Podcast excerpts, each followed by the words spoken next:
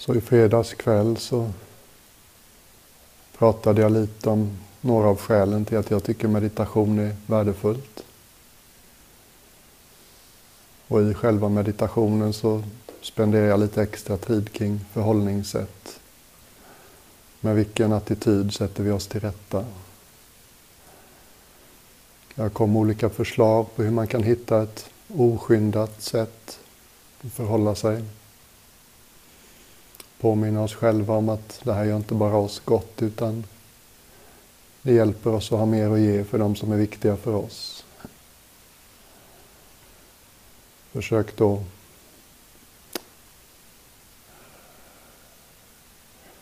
hjälpa oss alla att undvika att man tror att meditation är något där tankarna ska tystna, för det gör de inte i någon längre stund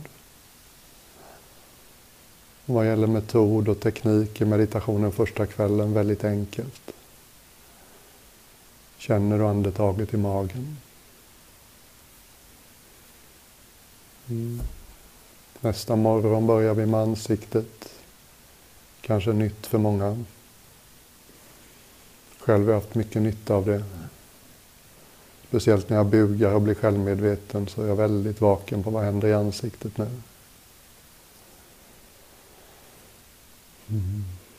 Och det finns något respektfullt och generöst att också behandla ansiktet på det sättet. Mm. Och i den meditationen spred vi sedan uppmärksamheten till hela kroppen. Lärde oss att känna hela kroppen inifrån. Kanske la vi märke till att gränserna inte är lika distinkta. När vi upplever kroppen som förnimmelse istället för som en fys eller visuell bild. Och sen fortsatte vi med efter frukost ett mer hjärtfokuserat sätt att meditera. Tog andetaget till hjälp för att hålla uppmärksamheten kring vårt känslocentrum. Och liksom massera vad vi mötte där med hjälp av andetaget. Mm.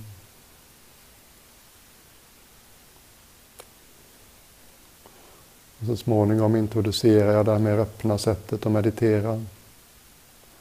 Och inte längre rikta uppmärksamheten mot något specifikt.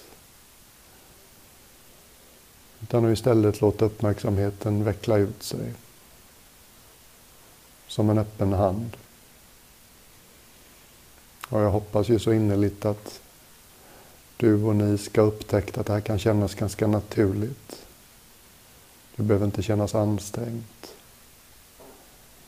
Det är bara när intellektet vill förstå vad det är vi gör och vad, vad det är, vad är varsevarande. Då blir det genast återvändsgränd. Då är vi som grodan i botten av brunnen som försöker, försöker förstå det öppna havet.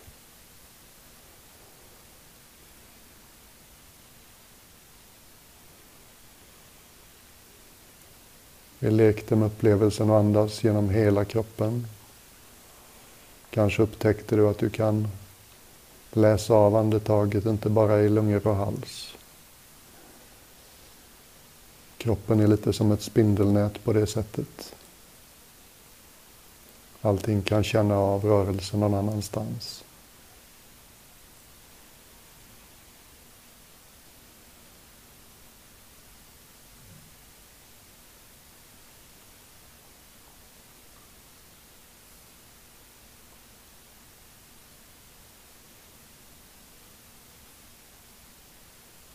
Och igår kväll i all min ofullkomlighet försökte jag dela min förståelse av vad, hur det känns, hur det ser ut, hur man rör sig genom livet när man har hittat hem på riktigt. Som tiotusentals män och kvinnor säkert har gjort i mänsklighetens historia. Det är förhållandevis få som har valt att kliva fram och berätta om det. Eller så har de berättat men det finns inga spår av det för oss nu. Min bestämda uppfattning är att det inte är så långt bort som man kan tro. Jag hoppas ni alla vid det här laget förstår att det är bara extremt svåra fall som jag som behöver ge sig av och ge upp pengar och sex och ett glas rödvin i 16 år. Mm. De flesta som har uppvaknande idag tycks ha helt normala liv på det planet. Men visst, klart det hjälper att vila en stund i stillhet varje dag. Klart det hjälper att medvetet ställa ifrån sig det vi inte behöver bära. Klart det hjälper att ta hand om kropp och psyke, och själ. Klart det hjälper att vara vaken och medveten i sina relationer. Klart det hjälper att ha ansatsen att ta fram det vackra i människohjärtat dag efter dag. Var lite mer generös än igår. Lite mer tålmodig än igår. Lite mer uppriktig än igår. Lite mer närvarande än igår.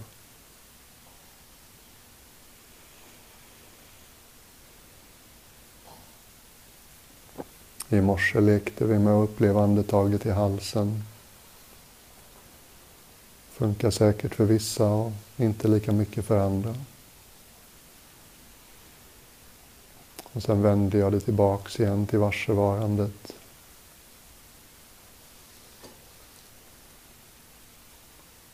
Mer med poesi och bilder än med analys.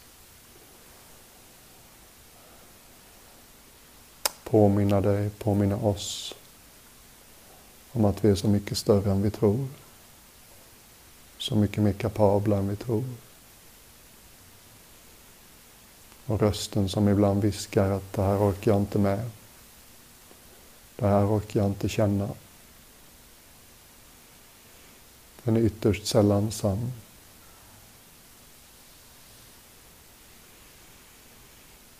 Och nyckeln för mig är att möta de svåra känslorna med kroppen mer än med huvudet. Med varsevarandet mer än med analys.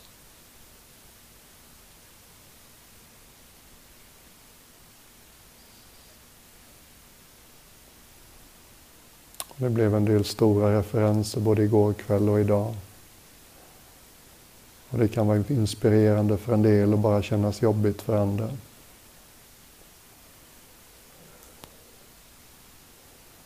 Vi kan ha välgrundad misstänksamhet mot religion i allmänhet. Det kan finnas vissa religiösa representanter vi är extra skeptiska kring.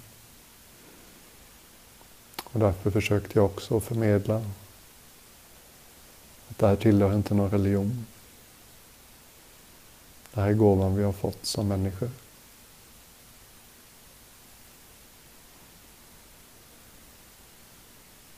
Och i samtalen har det varit högt och lågt. På vissa sätt de bästa bitarna för mig. Jag tycker det är roligt. Jag tvingas ur min komfortzon och förhålla mig till saker jag kanske inte har tänkt på.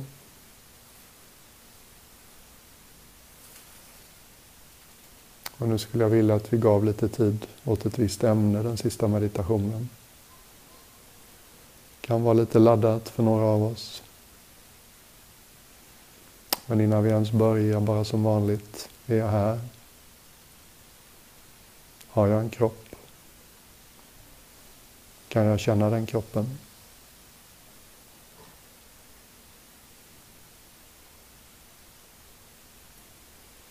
Kan jag följa fem oskyndade andetag på mitt sätt? Någonstans, överallt, ingenstans.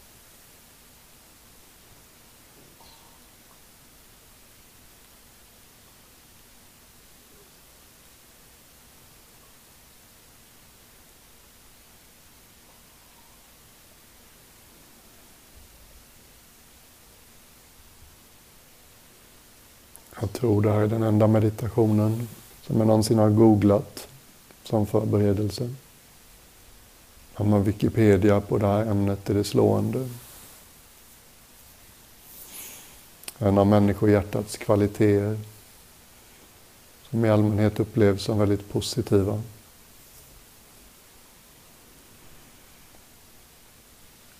Och lustigt nog så har specialisterna studerat det som är svårt i människohjärtat mycket längre än det som funkar. Det har funnits en psykologisk vetenskap kring psyken i obalans i över hundra år. Men forskningen som ägnar sig åt vad utmärker ett friskt psyke? Hur ser en psykologi i balans ut? Det har inte riktigt blivit ett ämne förrän millennieskiftet. Mm. Om vi börjar titta i den forskningen, vilka känslotillstånd främjar välmående mest? Ligger det här topp i listan? Mm.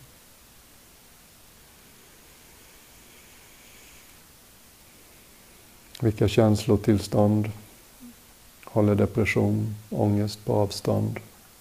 Det här ligger överst. Vilka känslotillstånd hjälper oss ur psykopatologier? Det här ligger överst. Gör oss mer konstruktiva. När vi utmanas, när livet blir svårt. Det här ligger i topp där med. Listan är ganska lång.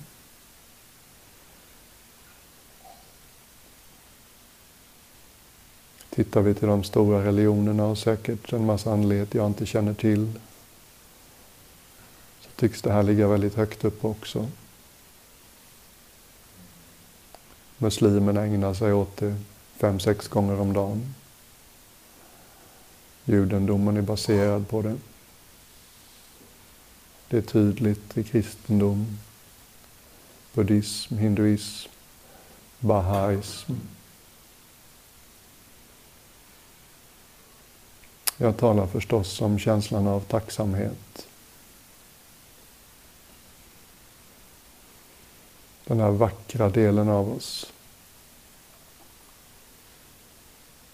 Som kan lägga märke till att gott har kommit vår väg. Vi har fått hjälp. Det finns mycket att uppskatta i vårt liv.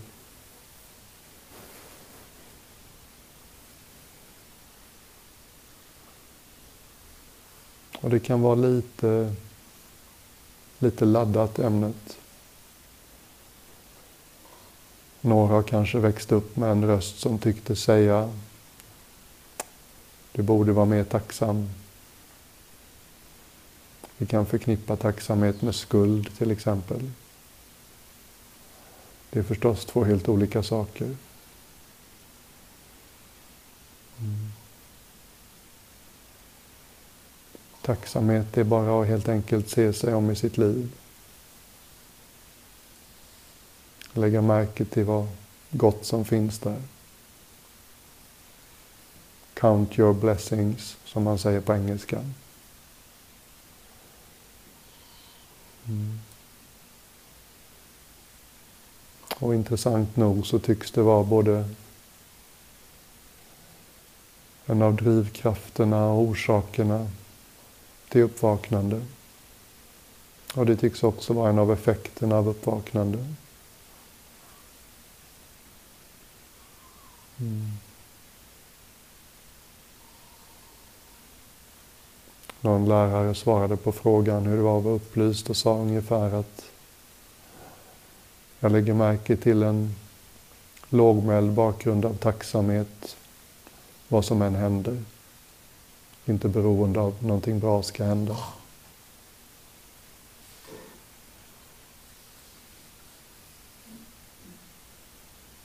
En av mina mest excentriska och rebelliska husgudar Jed McKenna. Upplyst amerikansk man som skriver oerhört underhållande och intelligenta böcker om uppvaknande. Bara några rader i en bok som fångade mitt öga. Där han skriver Vare sig jag får en finne på näsan kvällen innan studentbalen Eller om jag plötsligt befinner mig fastlåst i ett brinnande bilvrak så är min första reaktion tack. Min första reaktion är alltid tack. Och det där är förstås jättesvårt att förstå. Mm. Men det tycks vara en effekt av uppvaknandet. Det blir naturligt och lätt att uppfyllas av en tacksamhet som inte ens tycks riktad mot något speciellt.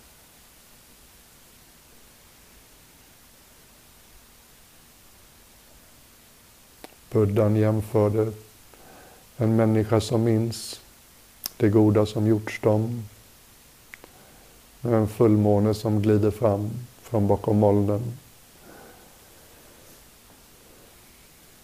Lyser upp allt runt omkring sig. Det är en vacker bild tycker jag.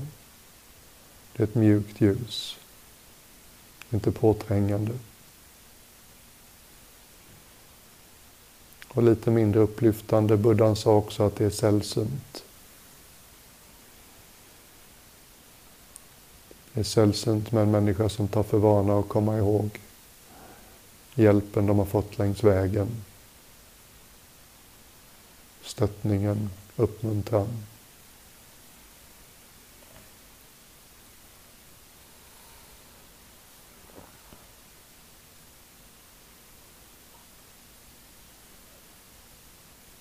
En av mina favoriter i den kristna traditionen var helige Franciscus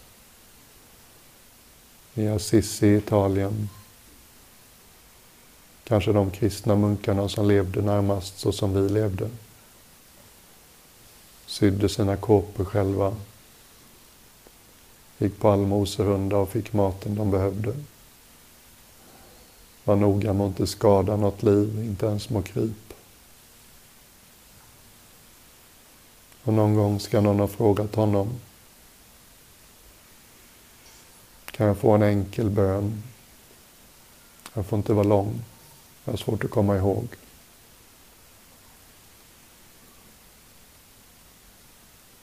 Och helige Franciscus ska ha sagt ungefär att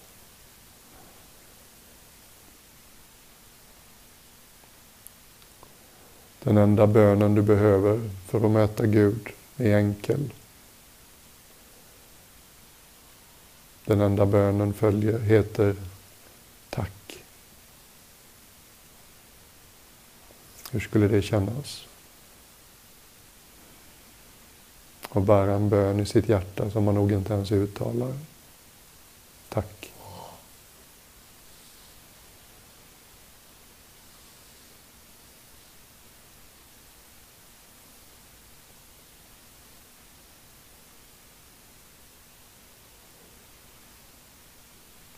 Det finns alltid någonting i många av oss som ryggar lite.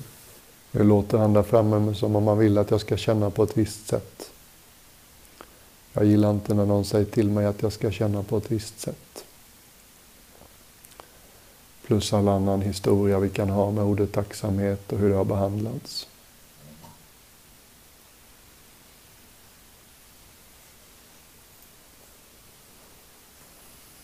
Men lägg märke till hur nära uppskattning och tacksamhet hör samman. Det kanske är lättare för dig. Mm. Visst måste det finnas saker i ditt eget liv som du lätt kan uppskatta.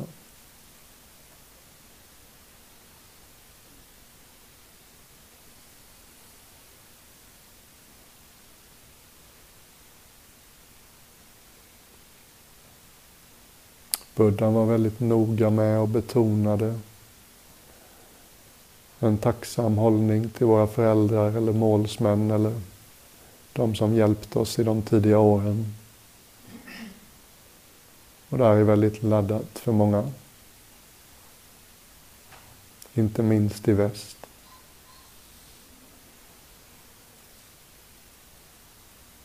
Men om vi en kort stund bara tänker tillbaks dina första år. När du behövde hjälp mest hela tiden. Vi behövde någon som såg till oss minut för minut, timma för timma, dag för dag.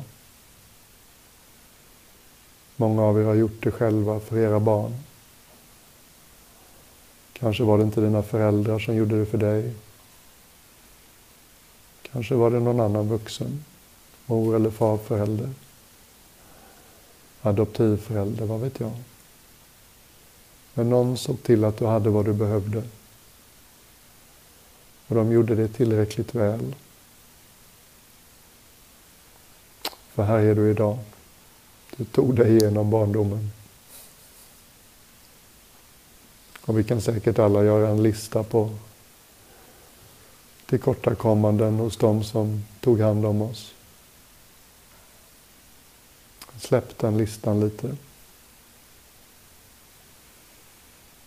Har du varit förälder själv är det här säkert lättare. Den fullständigt heroiska insatsen. Ögonblick för ögonblick, dag efter dag. Sätta någon annans väl och ve framför vårt eget.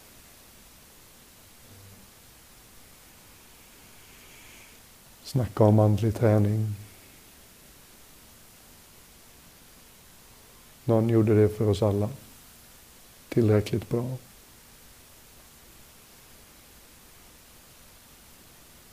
Oavsett allt annat som finns i den relationen. Så bara liksom nicka och tillstå. Mycket gjordes för mig.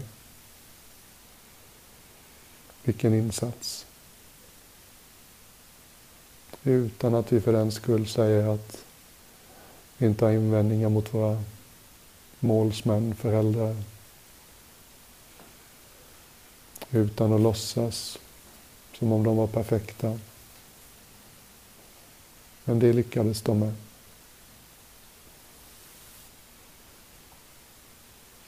Och är det något som hårdnar och är motvilligt här så bara andas genom det en stund. Det är inte konstigt. Det är ofta den mest laddade relationen i ett människoliv.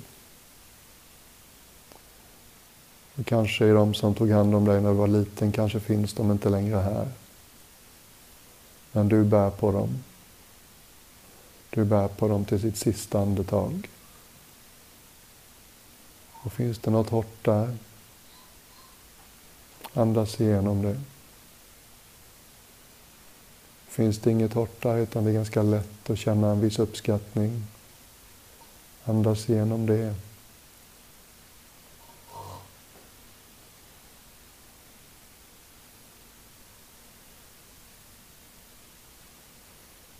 Skynda inte på. Försök inte känna något. Mera uppmuntra det. Vattna fröet.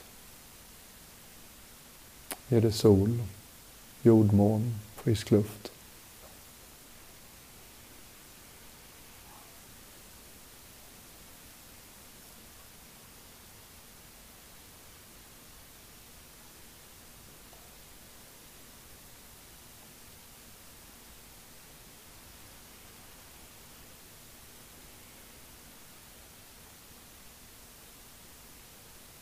Och se dig om bredare i persongalleriet i ditt liv. Om du skulle välja ut en person som blir extra lätt för dig att känna tacksamhet inför. Någon som du är extra glad att de har funnits eller finns i ditt liv. Någon som du tycker om hur du känner dig när du är med dem. Kanske någon som har funnits eller finns för dig speciellt i de tuffa stunderna.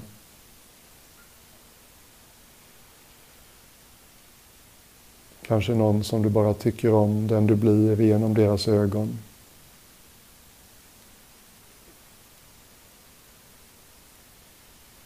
Och vem det är, det har jag förstås ingen aning om. Kanske en vän. Kanske en förälder, mor eller farförälder. Kanske en partner. Kanske ett barn. Kanske ett barnbarn. Kanske inte ens en människa. Kanske är det ett husdjur. tycks som att i många människoliv så är den renaste kärleken till ett djur. Bara se dig om och välj någon som det känns lätt att känna tacksamhet till.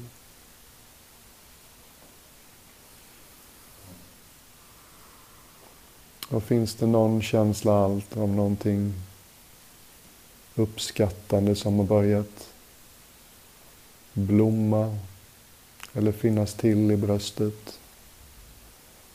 Så ta in bilden av den här människan eller djuret. Låt dem sitta i din tacksamhet i bröstet.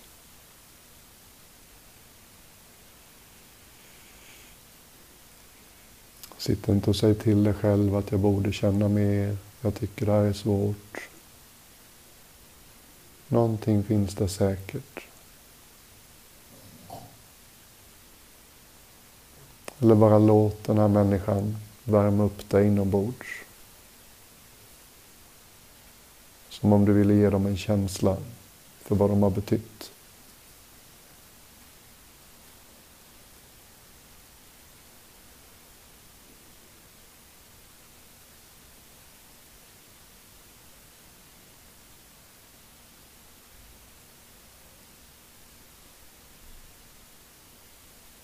Kanske känslan av att du är så glad att de finns eller har funnits.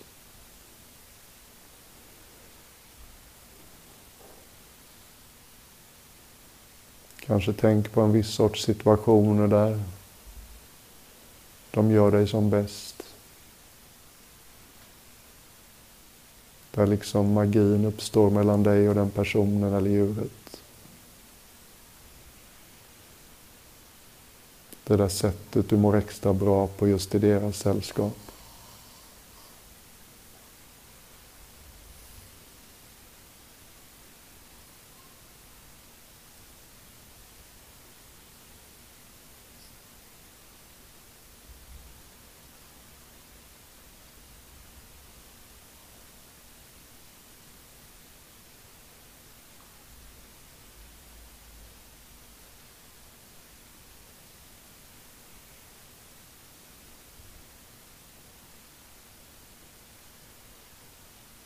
Precis som de andra två hjärtcentrerade meditationerna vi har gjort.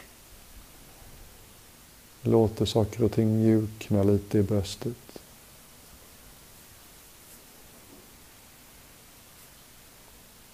Vi låter den här personen eller djuret sitta i vår uppskattningsljus. Vad mycket bättre vårt liv blev med dem än utan dem.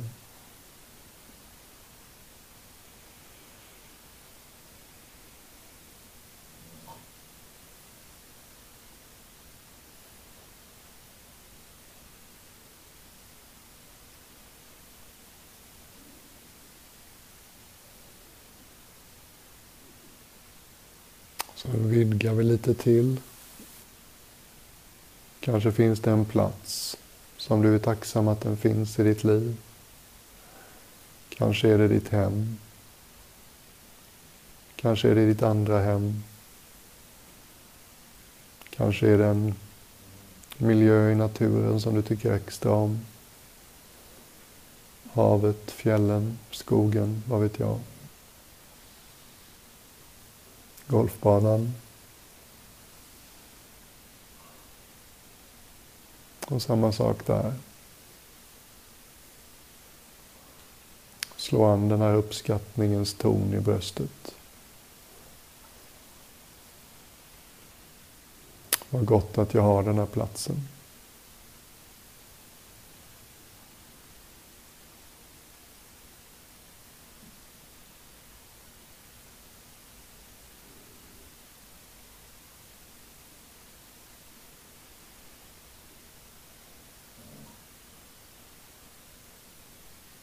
Man kan till och med rikta tacksamhet mot kroppen. I vått och torrt har vi hängt ihop. När jag kommer upp i min ålder, 55, tar man inget för givet längre. Det händer att jämnåriga dör. Min brorson Jesper dog tio år gammal för några år sedan.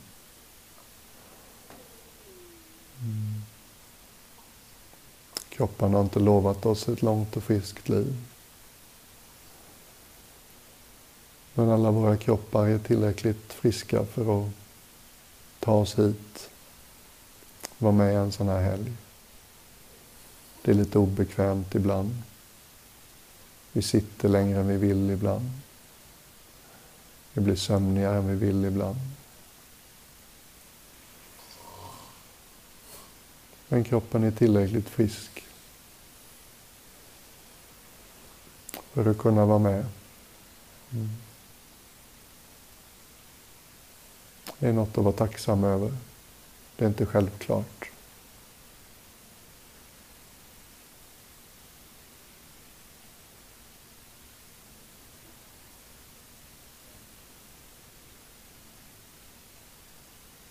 Säkert finns det en hel mängd människor som du kan känna tacksamhet inför. Vänner, kollegor.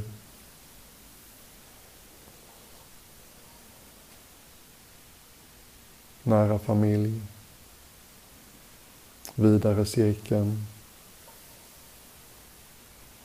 Bara gå igenom några av dem som det känns okomplicerat och lätt och bara glädjas åt att de finns i ditt liv. Eller har funnits.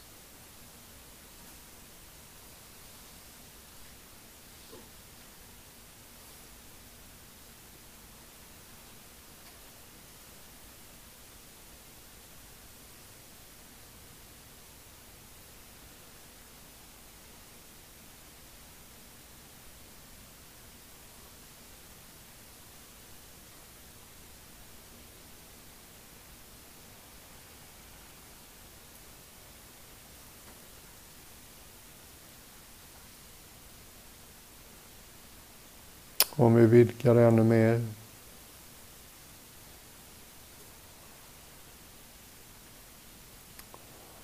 Och vara född när vi är födda.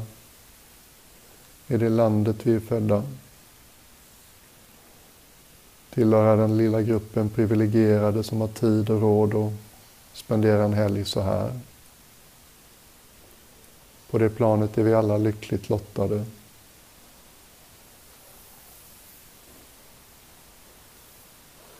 Det är lätt att ha invändningar mot Sverige. Det finns anledning att tycka att det går åt fel håll på vissa sätt. Men ändå.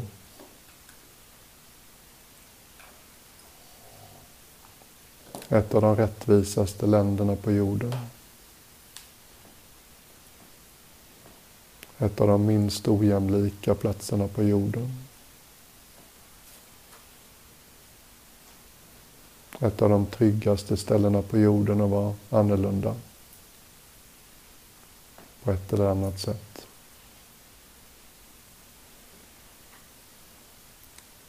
Ett av de få ställena på jorden där nästan ingen går och lägger sig hungrig.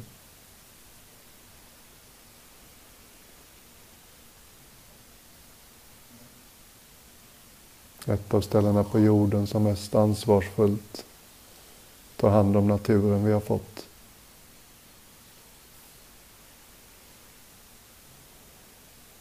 Så ingen förnekar det som är snett eller fel. Men ändå, jämförelsevis.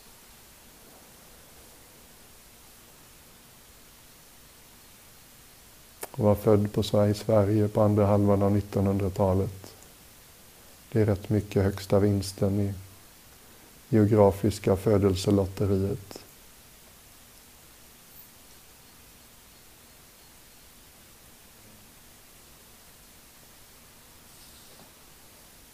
Till och med ta det ett steg till. Mystikernas version av tacksamhet. För mig råder det ingen större tvekan om att Albert Einstein var en mystiker. Om allt han visste om kosmos, så sa han ändå det största miraklet av alla. Det är att det finns någonting överhuvudtaget. Snacka om uppskattning.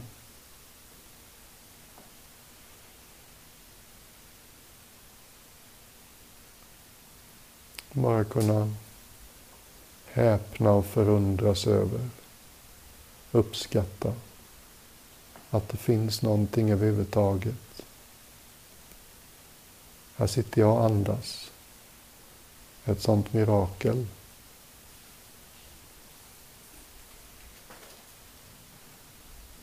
Det finns blommor och träd och gräs och moln och hav och sjöar. Ett sånt mirakel. Se in i en välbekant människas ansikte och inse att den här människan är ju ett totalt mysterium för mig. Det jag inte vet om dem är så oerhört mycket större än det jag vet.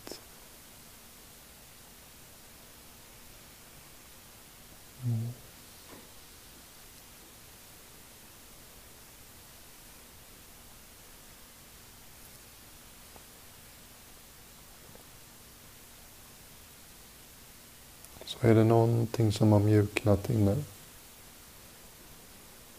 Någonting som har gjort uppskattning, tacksamhet tillgängligt för dig.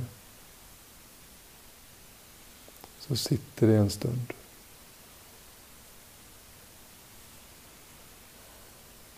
Sitter i ett uppskattande ljus. Nicka och tillstå. Mycket gott har kommit min väg. Många har hjälpt mig längs vägen.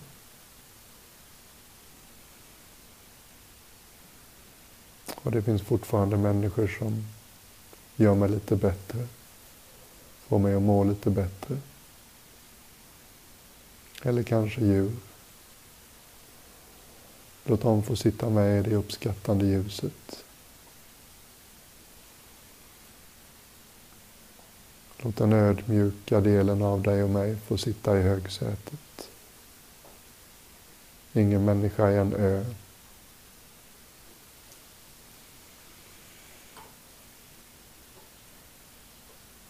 Alla har vi fått många hjälpande händer längs med livet.